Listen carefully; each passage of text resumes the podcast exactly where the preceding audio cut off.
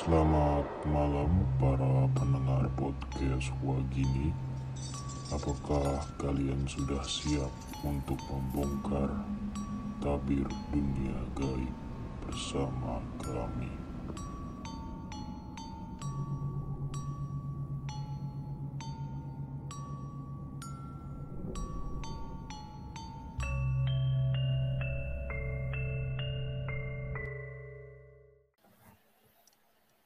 Ya, welcome back Wagini Licius to Wagini Podcast. So today we are we are going to talk with English, my friend. Okay, because Mr. Ilham uh, taking IELTS test, I think this week. So Bapak Ilham, Yeah. Mr. Ilham, are you ready? Yes, yes, I'm ready. Yes, I'm ready. Yeah, you can hear the British accent from uh, Mr. Ilham, right? Ini beneran nggak? Beneran nggak bahasa Inggris? ja- Jangan jangan lah. lah. Enggak, enggak, enggak, enggak. Nanti dulu. Praktis, praktis. Daripada hello mister, hello mister. Ya, Ya. selamat datang lagi para pendengar podcast lagi ini. Apa kabar nih? Aduh, biasalah kita walaupun sibuk-sibuk ini masih sempat ya menghibur kalian semua ya pada malam Jumat ini. Betul. Eh, kembali lagi bersama saya Teku dan teman-teman saya Bapak Fazal apa kabar? Baik.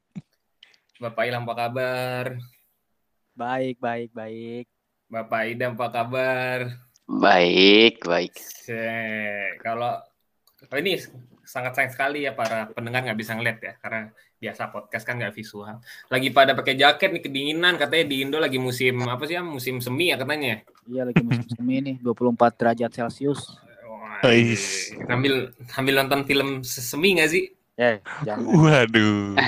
Semi militer, semi Semi militer. militer sekali. Semi militer. Ya ya. Jadi eh, pada episode kali ini kita akan membahas tentang santet ya santet.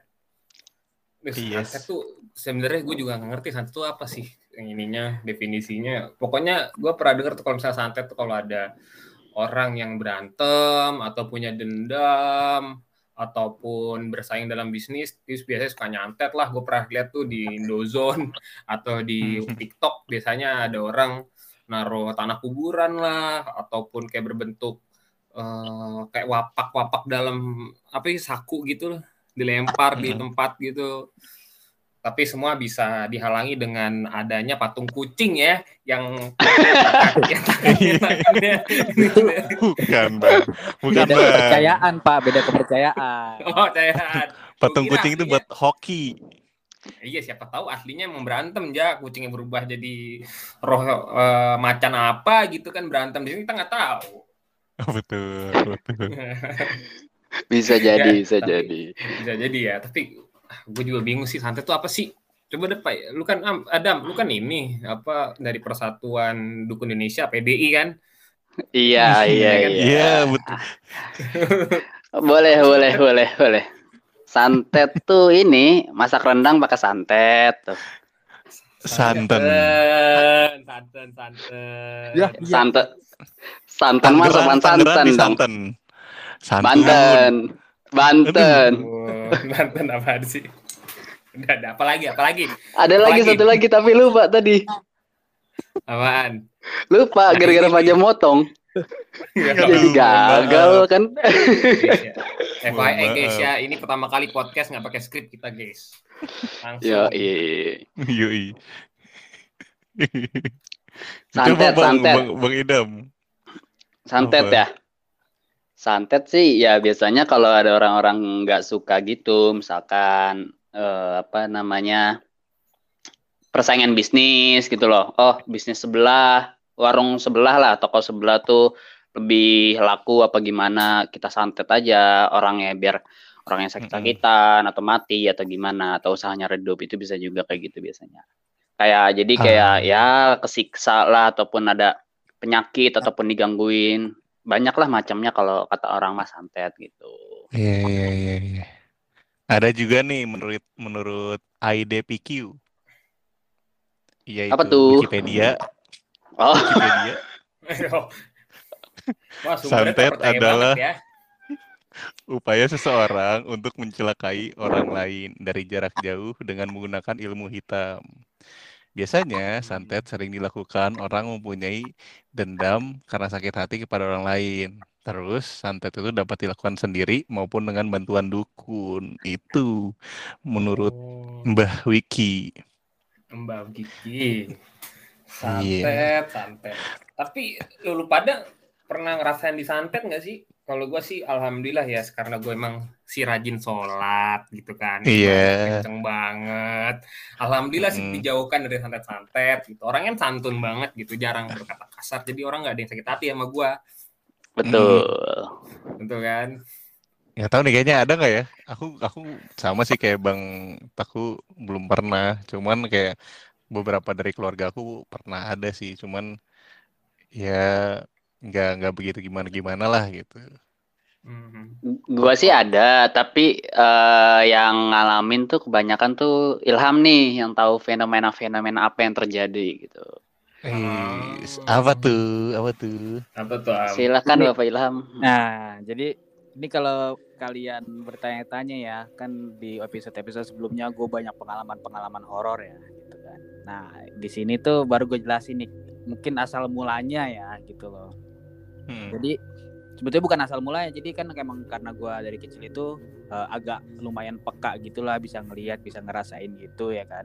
Tapi sampai satu tahap di mana gue SMA, umur umur berapa ya SMA tuh ya kita ya? Umur berapa? 25, 25. 15, 15 sampai 17. Iya 15 sampai 17. Nah, jadi di umur SMA SMA SMA gue di Jakarta lah gitu kan. Nah, rumah gue ini pas gue SMA nih pindah-pindah gitu. Jadi gue tiga kali pindah lah dari Bekasi ke Bekasi lagi baru ke Depok gitu. Hmm. Gue nggak usah sebutin detailnya kali ya. Nanti pada datang ke rumah gue gitu kan. Nah, Iya, iya banget. Nah, jadi eh pertama kali gue nggak ngeh sih ini serangan santet apa gimana gitu. Jadi pertama kali gue ngehnya itu tuh pas SMA ini nih, gue inget tuh di rumah yang sebelum gue pindah ke Depok ada rumahnya di daerah Bekasi Timur. Di situ tuh gue sering banget ngeli ngeliat dan digangguin gitu. Maksudnya ngelihatnya tuh bukan apa ya, mungkin sekelibat sekelibat aja gitu tapi memang ha- rumah apa hawa rumahnya tuh panas gitu terus nyokap gua tuh sering katanya tuh kan dua tingkat gitu rumahnya terus di bawahnya tuh di di ruang bawah itu kata nyokap gua sering banyak yang ngeliatin gitu katanya Hmm. dan tapi karena gue cuma bentar doang di situ jadi gua nggak terlalu inget banyak pengalaman di situ terus gue pindahlah ke rumah gue di Depok ini Hmm. di sinilah mulainya terjadi serangan-serangan fajar mungkin ya kan semangat. Sembako dong, sembako. Hei. itu bukan Sembako dong. Jadi di, di perempatan tuh bagi-bagi Apa nih? duit tuh. Nah, jadi gua gua lu sebenarnya karena mungkin terlalu banyak pengalaman ya, jadi gua agak-agak lupa gitu. Tapi yang gua inget tuh, gua pindah itu gua kelas 2 SMA. Jadi di saat di rumah gua ini ya itu tetap dua lantai gitu, lebih besar dari yang sebelumnya gitu kan. Jadi kalau misalkan kalian bisa bayangin lah, jadi tangga tangga rumah gua mau ke lantai dua itu tuh dari lantai satu ke lantai dua itu deket di ruang tamu gitu kan. Nah, gue Hmm. tuh kan orangnya, nah namanya anak SMA sering pulang malam gitu ya, sering nongkrong, sering pulang pagi nggak pulang malah ya kan biasa Nih, lah. nakal nih, nakal nih SMA ini. Hei. Bandel lah bandel. Hei. Bandel. Jadi gue sering pulang malam gitu lah kan. Nah, Terus saat di rumah kan jadi gue paling waktu pulang tuh paling mungkin jam 11 malam ya paling awal gitu kan. Jadi gue nyampe rumah tuh biasanya nonton TV dulu gitu ya kan. Hmm. Saat gue nonton TV tuh gue tiba-tiba kayak sering ngelihat apa ya sosok bayangan hitam tinggi gede gitu mungkin kalau tingginya itu Xiaomi kali ya 2, 2 meter kali ya.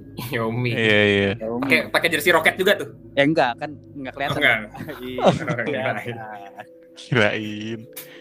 Nah itu itu gue sering banget ngerasa ngerasain dan memang kadang tuh tiba-tiba gue lagi nonton TV dia hadir gitu di sebelah gue dan gue anehnya saat itu gue nggak ngerasa takut sama sekali pak mungkin karena mungkin sudah terbiasa banget gitu ya karena gue merasa ini rumah gue nih gitu loh lu yang datang ke rumah gue ngapain gue yang harus takut gue mikirnya gitu saat itu ya Iya. jadi mereka tuh sering hadir di sebelah gua ataupun kadang misalkan eh eh, apa di atas tangga gitu di ujung atas tangga gitu jadi gue bisa ngeliat ke atas tuh dia ada Jadi gue bilang lo Hmm. ngapain sih ganggu, pergilah gitu. Gue ngomong kasar atau apa gitu kan, dia pergi gitu.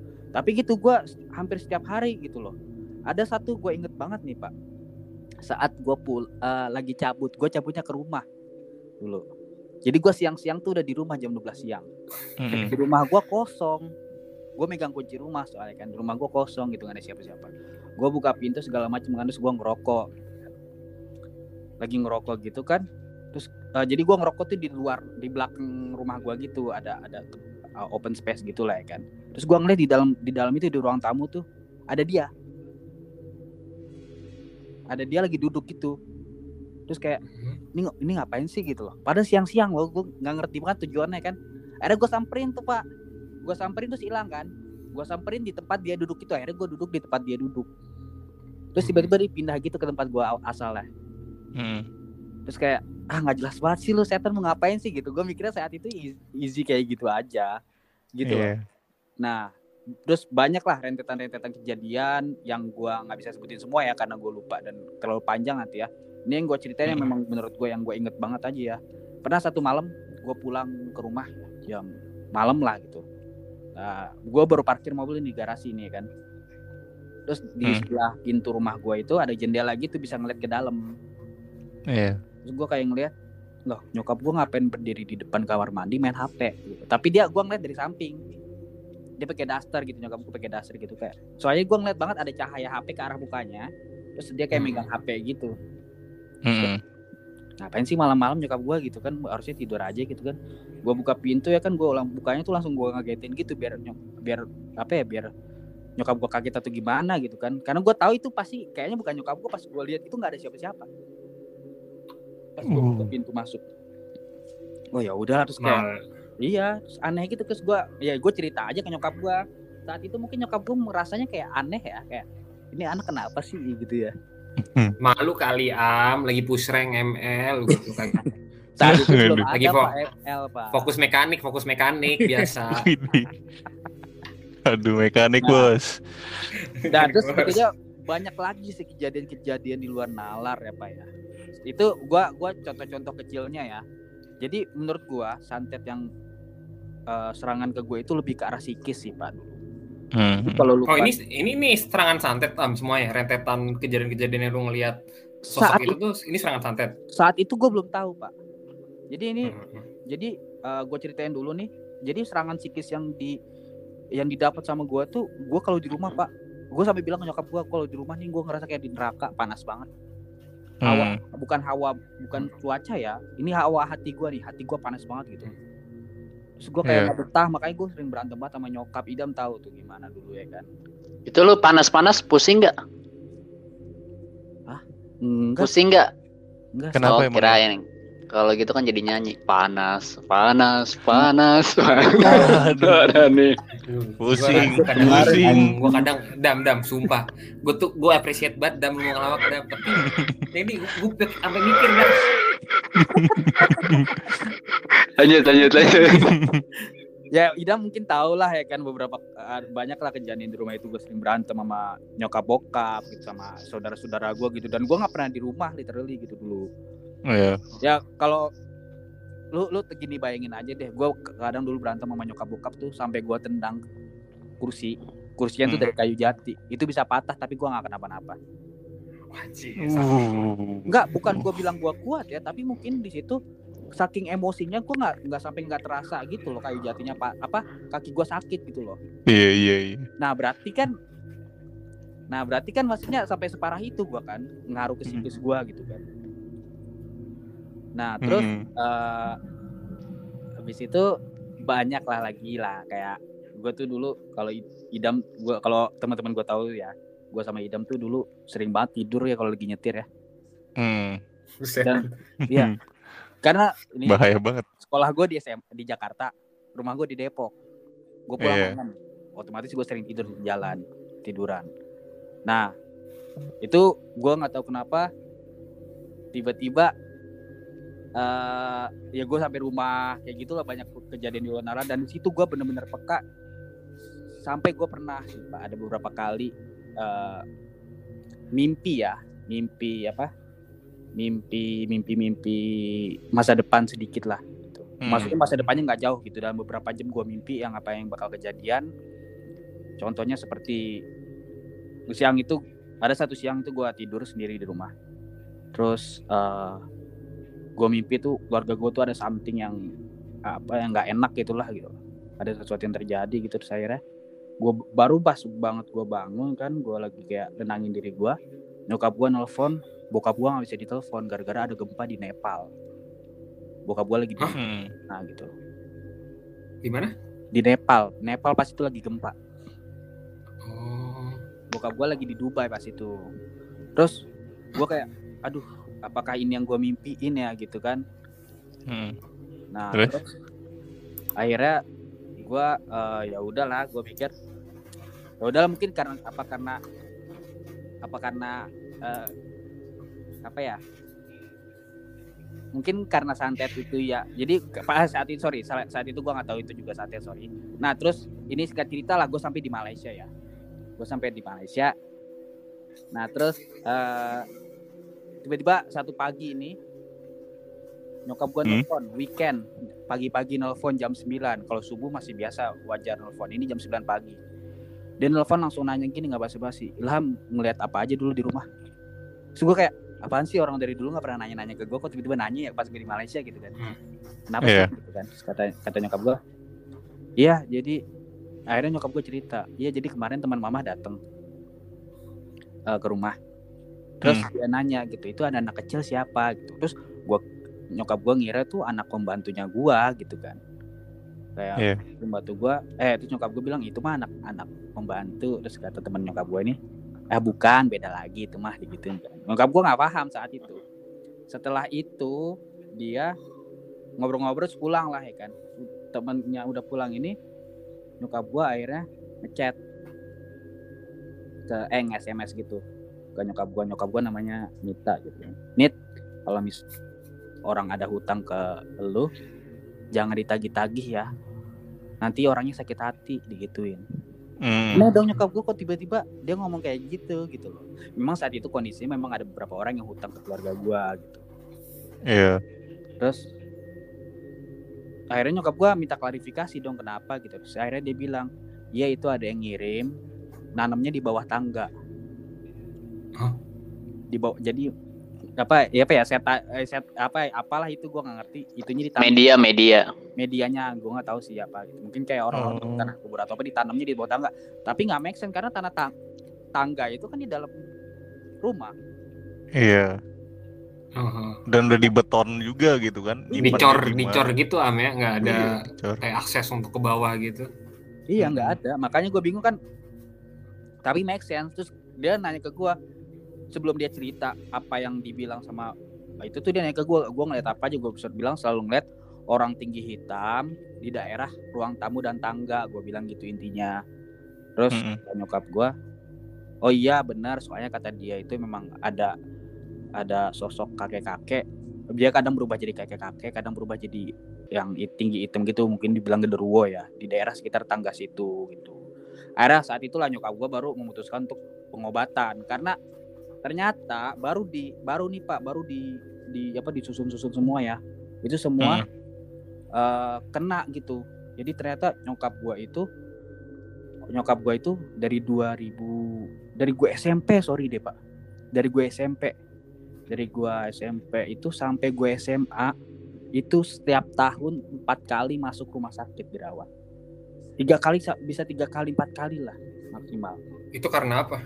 nggak tahu. Jadi diagnosanya tuh nggak jelas dari dokter nyokap Hmm, gue rasanya tuh cuma kayak lemes terus kayak apa sih kayak meriang gitu kan terus nyokap gue ngerasanya kayak Hmm. atau apa gitu kan Kayak tipes lah. ya kayak tipes tapi saat dicek ke dokter dokter bilang nggak ada masalah sama sekali Ini ini biar lebih jelas mungkin tipesnya itu yang sampai parah dirawat gitu nggak sih am atau kayak cuma Oh. ke dokter doang? oh dirawat dirawat sorry ini sampai rawat inap. Dirawat ya? ya jadi Ah. ya setiap tahun itu gue udah langganan nemenin nyokap gue ke rumah sakit.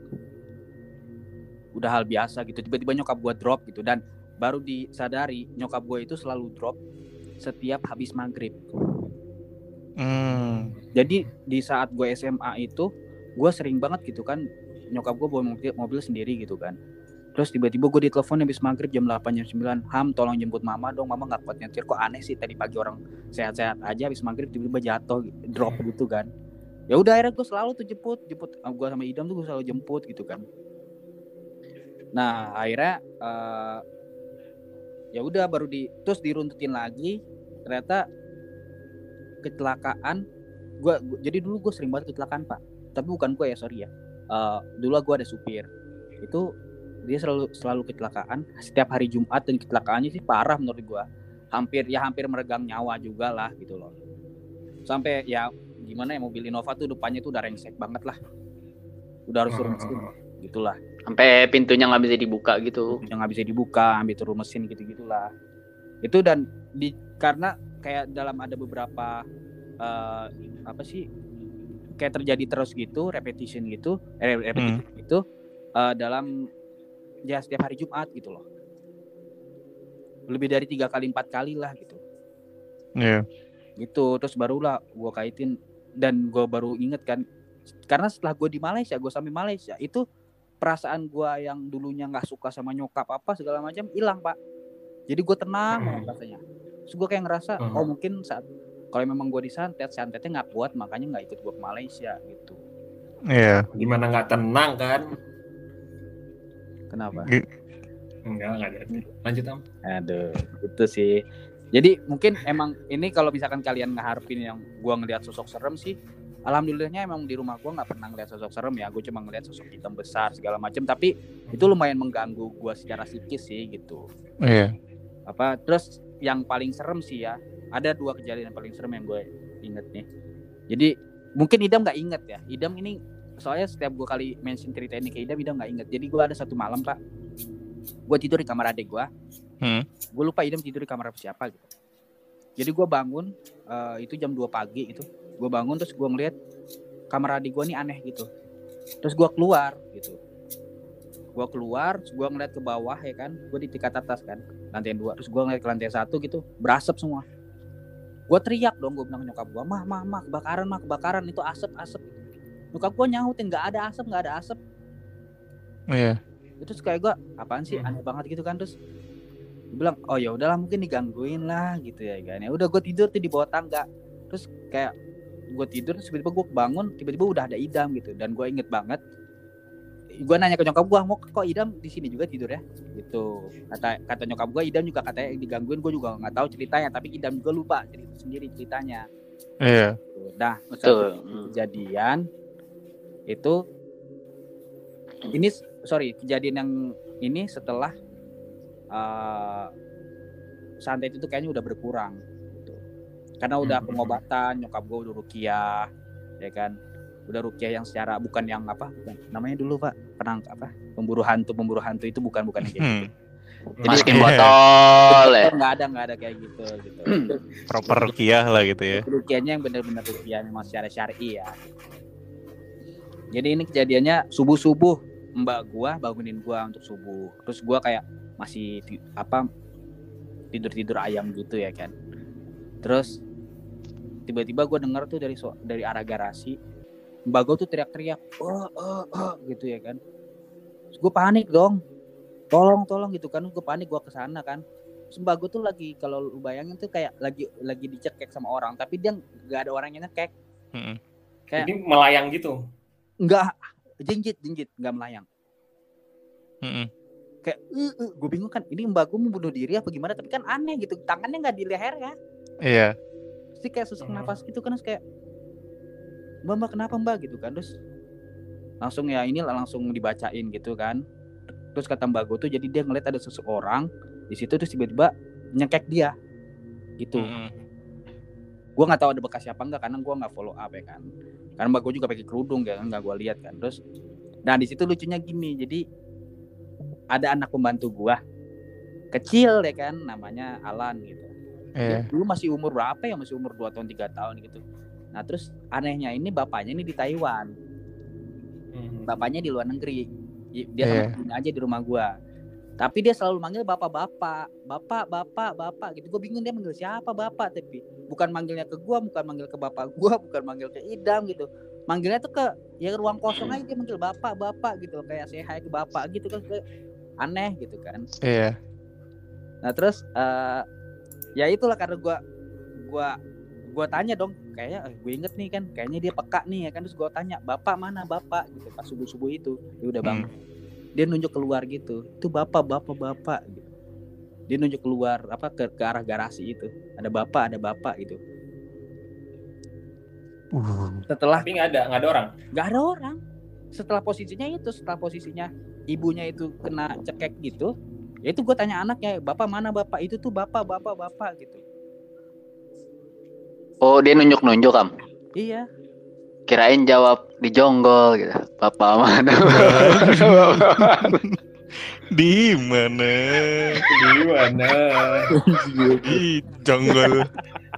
Padahal rumahnya dia sendiri, Cok. Rumahnya dia Itu sendiri. dia makanya. ya dia bisa bercandain gini karena dia nggak pernah ngerasain sih pak ya Oh, mungkin pas pulang nanti dirasain tuh Pol kayaknya tuh. ya semoga aja ya semoga aja ya Amin. Ya, tapi jangan jangan santet dong. jangan Iya. iya, Eh, jangan dong. enggak dong jangan santai gitu Hmm.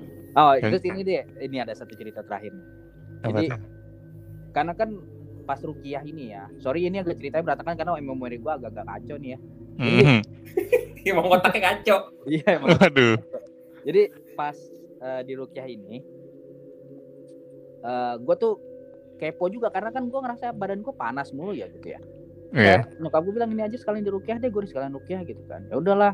Nyokap gue di Rukiah tuh muntah-muntah segala macam ya kan memang bereaksi dibilang mungkin ini memang ada sihir ya, ada ada yang nyihir gitu loh. Iya. Nah sihir ya kan terus gue di Rukiah lah sama si Idam ini ya kan berdua kan. Rukiah pertama kadang ada tahap-tahapannya gitu kan. Rukiah pertama ditanyain kan ada ngerasa apa? Ada ngerasa yang ada ada yang jalan di badan sama berat gitu ya kan gue bilang kan. Oh ya udah sampai Rukiah kedua ya kan. Kayak gitu juga gue bilang terus Idam Idam bilang udah nggak ngerasa apa-apa gitu terus akhirnya Saya mah tidur aja pas lagi rukiah, Pak. Emang enggak ini, emang nikmat aja di rukiah gitu bacain, udah tidur. Iya. tenang tenang gitu kan. Tenang ya. Iya. pas gue sampai ke Rukiah ketiga kali gitu karena gue udah ngerasa ngantuk banget ya pak meskipun masih ada yang gue ngerasa ada di badan gue yang jalan gitu kayak jadi gue ngerasa kayak ada cacing ada ular gede sorry ada ular kayak jalan di dalam badan lo Mhm. gue ngerasa Yang, kayak yang di gitu. tengah-tengah itu. Nggak tengah-tengah itu kan itu kan eh, Cacing Alaska dong. cacing Alaska itu pak Cing Alaska. nah terus gue kayak sam, sam- sampai apa saking ngantuknya bosannya gue bilang udah deh udah nggak ada udah nggak ada gitu Iya. Nah, habis itu kan nyokap gue kayak dikasih bacaan gitu di MP3 ya di HP gitu kan. Terus gue inget banget gue habis jemput nyokap gue malam-malam gara-gara nyokap gue nggak nggak kuat nyetir yang tadi itu gue nggak nggak kuat nyetir terus kayak gue sama kakak gue nih kepo nih ya kan. Eh Iya. kita coba setel yuk bacaan nih yuk siapa tuh bereaksi gitu kan. lagi di jadi Waduh. gue lagi nyetir nih posisi nyokap gue di belakang ya kan Ditantang-tantang. Pas setelah gue di ini di radio itu kan di luntutin gitu segala macam kan. Nyokap gue bereaksi di di belakang dong. Uh, uh, gitu kan. Gue takut Mm. sendiri gue matiin lah. Dia lagi tidur nyokap gue di belakang gitu. Gue ntar kalau ngamuk-ngamuk gue di ini ini ntar tabrakan kan gue mikirnya gitu kayak oke Iya. ya, gue tahu berhasil berarti memang ada sesuatu di dalam nyokap gue gitu. Mhm. Nah sampai alhamdulillah sampai sekarang ya gua alhamdulillah nggak udah nggak ada sih kayaknya santai di rumah kayak soalnya udah udah tenang kondisi di rumah udah nggak ada apa-apa lagi sih tuh. Iya. Oh. Jadi sebenarnya kayak ada orang ngutang sama keluarga lu, tapi kayak mungkin ada konflik jadinya sakit hati atau gimana, dia memasang santet eh, khususnya ke nyokap lu berarti Am ya? Iya ke nyokap gua. Eh, ke nyokap lu itulah makanya lu bisa sampai ngeliat sosok hitam tadi nyokap lu sakit dan lain-lain gitu Am ya? Iya. Iya. Tapi anehnya gua yang ngelihat nyokap gua nggak ngelihat. Ah, Nyokap gua nggak lu kayaknya ada ngeliat. emang ada ada batin kali ya sama nyokap lu ya? Iya itu gua sih ngerasanya seperti itu sih pak. Gitu. Atau sama yang dilihatnya. Atau sama, ya, itu kalau itu jangan sampai ya. kalau itu sih gua ngerasanya benar sih mungkin karena apa gua ada batin sama nyokap gua jadi mungkin gua yang kena karena ilmu iman gua juga lemah saat itu kan. Oh, Tuh. oh ini dan Oh. sekarang imannya tinggi banget nih. Enggak, banget nih. enggak juga. Maksudnya dibanding nyokap gua saat dibanding nyokap gua pasti iman gua lemah gitu. Mungkin jadi gua yang kena Oh. tetep jasnya gitu lah. Iya, iya, iya. Gua berharapnya sih idam Tapi- kena tapi ya gimana nggak kena kena kan Belum, belum. Imannya masih kuat waktu itu. iya nggak tahu Kuat sekali, kuat sekali. sekali. Kuat Eh, banget. tapi jadi eh, momen serangan itu berhenti itu saat setelah lu lupa ada di Rukiah ya berarti ya? enggak Enggak. itu nggak langsung pak Jadi apa momennya tuh? Karena mau Nggak tahu, nggak ada sih, nggak ada momennya. Jadi tiba-tiba kayak hilang aja gitu sama gangguan ya nggak sih? Iya, jadi karena kan saat itu kan gua lagi kuliahnya posisinya di Malaysia juga pas nyokap gua di Rukiah itu kan. Iya. Gua lagi balik Indo itu gua di Rukiah, jadi pas gua ke Malaysia lagi kan gua nggak tahu ada serangan apa enggak karena biasanya gua yang dikena kan. Tapi saat Iya, gua iya. balik Indo lagi udah nggak ada apa-apa. Jadi aman, tiba-tiba aman aja udah nggak ada apa-apa gitu. ya. aman aja gitu. Ada Iya. aman gitu ya? Makanya itu dia kenapa gua jadi kepo di Malaysia gara-gara udah gak gua ngeliat lagi. Oh, Itu. Terus itu. tiap hari ngeliat ya kan di Malaysia gua nggak ngeliat gua kayak kepo ah masa nggak ngeliat lagi sih gitu. Iya, iya. Serang, serangan fajarnya berbeda bentuknya kalau di Malaysia me? Waduh, aduh. Aduh, aduh. Beda gimana maksudnya, Pak? Nongkrong di mampu, nongkrong nongkrong. Ya, nongkrong, nongkrong, nongkrong. Iya. Tapi eh btw nih gue mau ngebahas dikit tentang ini sih yang Apa? tentang media yang di tangga tadi. Iya. Heeh. Jadi kalau gue tuh pernah dapat cerita dari pembantu gue dulu pas gue masih kecil SD lah. Jadi eh, dia bilang nih katanya, iya jadi dia tuh emang bisa kan, sekeluarga emang bisa. Dan eh, dia bilang kayak anak dia itu mendalami ilmu gitulah. Terus jadi kalau misalkan ada yang kena santet atau apa, Mm-mm. itu tuh dia bantuin dengan cara misalkan ada yang kena santet nih eh apa namanya jadi pengajian tujuh hari tujuh malam contoh gitu loh jadi pengajian terus di rumahnya gitu nah tujuannya itu adalah untuk mengangkat media itu sendiri gitu loh jadi pada saat itu kejadiannya tuh eh, rencananya tujuh hari kalau nggak salah tapi hari ketiga atau hari keempat tuh udah keangkat itu jadi pas dibuka ada paku, ada apa, ada apa. Itu jadi medianya salah satu medianya kayak gitu. Mm-mm. Dan di ngajiin lagi tambah biar kelihatan gitu. Siapa sih yang bukan dukunnya ya, tapi jin mana nih yang disuruh gitu loh, yang disuruh sama si dukun untuk menyerang rumahnya itu gitu. Nah, akhirnya eh, tambahin pengajian eh, berapa lama terus katanya dapat si jinnya ini. Katanya diikat lah ditaruh di lapangan golf. Jadi orang-orang suka denger suara kalau malam-malam katanya sehabis itu. Gitu sih maksudnya. Jadi eh, medianya tuh benar-benar ya apa namanya kayak di bawah lantai gitu kayak harus dibongkar lantainya gitu loh katanya gitu jadi ditanamnya secara gaib Oke. Gue kira ada emang ada kayak penyusup di kuli-kuli bangunan itu itu ditaruh tanam di situ. bisa jadi Tumbal, juga tumbal. oh itu iya bisa jadi juga sih itu tapi nggak tahu sih Terga- banyak lah caranya lah itu mah Apa tumbal proyek? Apa? Tumbal. Buat proyek. eh, tapi dari kisah-kisah lu itu eh, nggak perlu sebutin orang tapi kalian tahu siapa yang ngirim? wallahu alam Allahu alam sih Pak. Wah. Karena karena mungkin karena hint awalnya itu kan dikasih taunya sama teman nyokap gua eh, kalau orang punya utang sama lu nggak usah ditagih-tagih terus gitu kan. Mhm. Nah, jadi gue Hmm. mikirnya kalau dari situ oh gue tahu nih siapa nih gitu loh. Oh. Karena Iya, gue iya, tahu lah iya. Uzon ya kan. Gue nggak mau seuzon. Nyokap gue juga nggak tahu gitu loh perkiraan gue ini siapa gitu. Ida mungkin tahu ya. Gue nggak Mhm. seuzon. Tapi pas banget gitu pak momennya saat di saat eh, santet itu hilang, orang itu sakit. Sakitnya apa sih? Banget ya. Yang sebelah muka itu kayak lumpuh, agak lumpuh gitu. Eh, Stroke, kayak bel pasli stroke. gitu ya. Bel pasli gitu. Iya kayak apa sih? Iya, Gua bel, bel pak.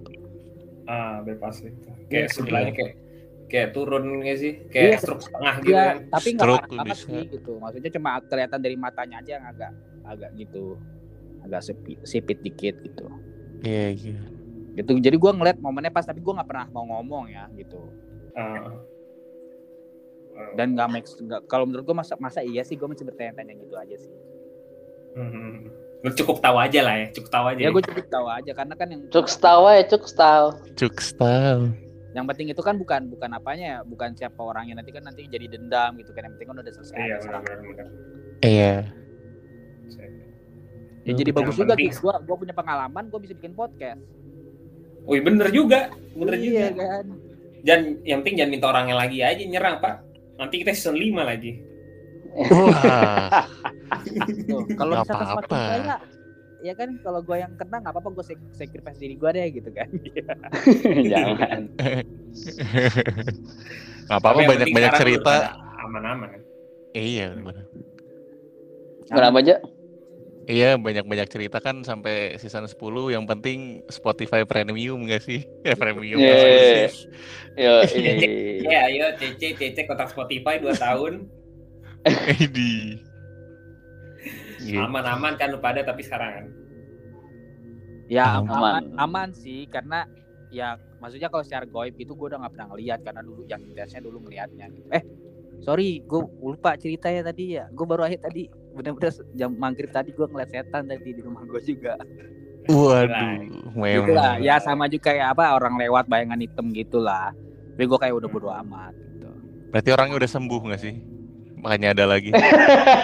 Nggak- enggak jadi ya karena karena orangnya mungkin udah sembuh tapi udah nggak Hmm. punya duit Oh, Oke. gitu Oh.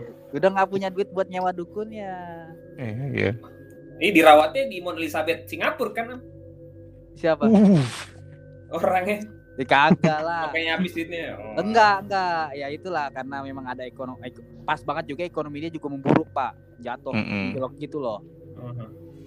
Iya, Pas iya, iya. momennya gitu. Mhm. Keren sih. Eh keren sih. Ya, gimana Mantap, juga ya? mantap. Heran gue juga ngelihatnya. Ya emang enggak enggak terlalu serem sih kayak cerita-cerita santet yang lain, tapi mungkin saat itu gua mengalaminya tuh kayak stres juga sih, Pak. Lebih ke batin aja gitu. Mhm. Eh. Karena sebetulnya bukan cuma di rumah ini aja, kadang jadi gue di luar juga ini sensitif gitu aja. Jadi kadang gue di jalan sering lihat gitu-gitu kan gak enak juga gitu. Gitu ya. So, jadi cukup panjang ya cerita Bapak Ilham dan Idam ini kayak timeline-nya tuh bertahun-tahun mungkin namanya. Iya, Dari Iya. SMA kan. timelinenya mungkin dari gua kelas 1 SMA sampai gua kuliah semester 3 lah. Iya. Uh, Semester berapa tiga, semester tahun empat tuh? lah. Semester Empat tahun setengah ya? ya sekitar segitu. Mm. Lama juga. Empat lima tahun. Ya lu bayangin aja gua menderita apa yang emosi nggak stabil selama empat tahun setengah Ah. itu kan nggak enak. Iya, iya. Iya sih. Makanya orang-orang tuh pada takut sama Ilham. Hmm, betul. gara-gara apa? Senggol bacok. Iya, Senggol Senggol bacok. bacok. Iya. Jagoan di senggol dong gitu. Waduh. itu, itu dulu, itu dulu gara-gara ini. Iya, kayak banyak teman-teman gua tuh yang dengar podcast katanya, kok gue lama-lama takut sama Ilham ya? si Jamet tuh, Jamet ngomong, Karena tuh, eh, gue takut sama Ilham dah. Kenapa nih? Enggak tuh pembawaannya kayak sangar gitu dia bilang. Itu juga pas ngeliat di fotonya Ilham, anjing gue tahu jadi makin takut gue ya, Iya, jadi iya. mungkin ceritanya sampai sini aja nggak sih? Kayak Iya. itu Ilham emang ceritanya panjang banget. Hidupnya emang ini cowok banyak warnanya emang. Iya betul. Betul. Mau hitam putih dia. Warna-warni. Betul, betul. Ya, jadi mungkin sampai sini aja ya. Panjang juga ceritanya kan. Eh, Iya. Eh, terima kasih juga nih para pendengar yang udah mau dengerin. Itu apa lagi sih podcastnya nih? Eh, tolong di follow dong para pendengar. Halo. IG-nya, Halo. IG-nya wagini.podcast, guys. Asik. Sama jangan lupa Betul. join Discord. Kita suka on kok Nah, hampir Discord. tiap hampir tiap hari lah kita di Discord itu. Iya, Bapak Idam tuh steady terus dia di situ. Ih, betul. Kalau kalau berkenan kan nanti misalnya yang eh, belum ada jodoh kan bisa mungkin berjodoh dengan Bapak Idam kan lagi nyari-nyari.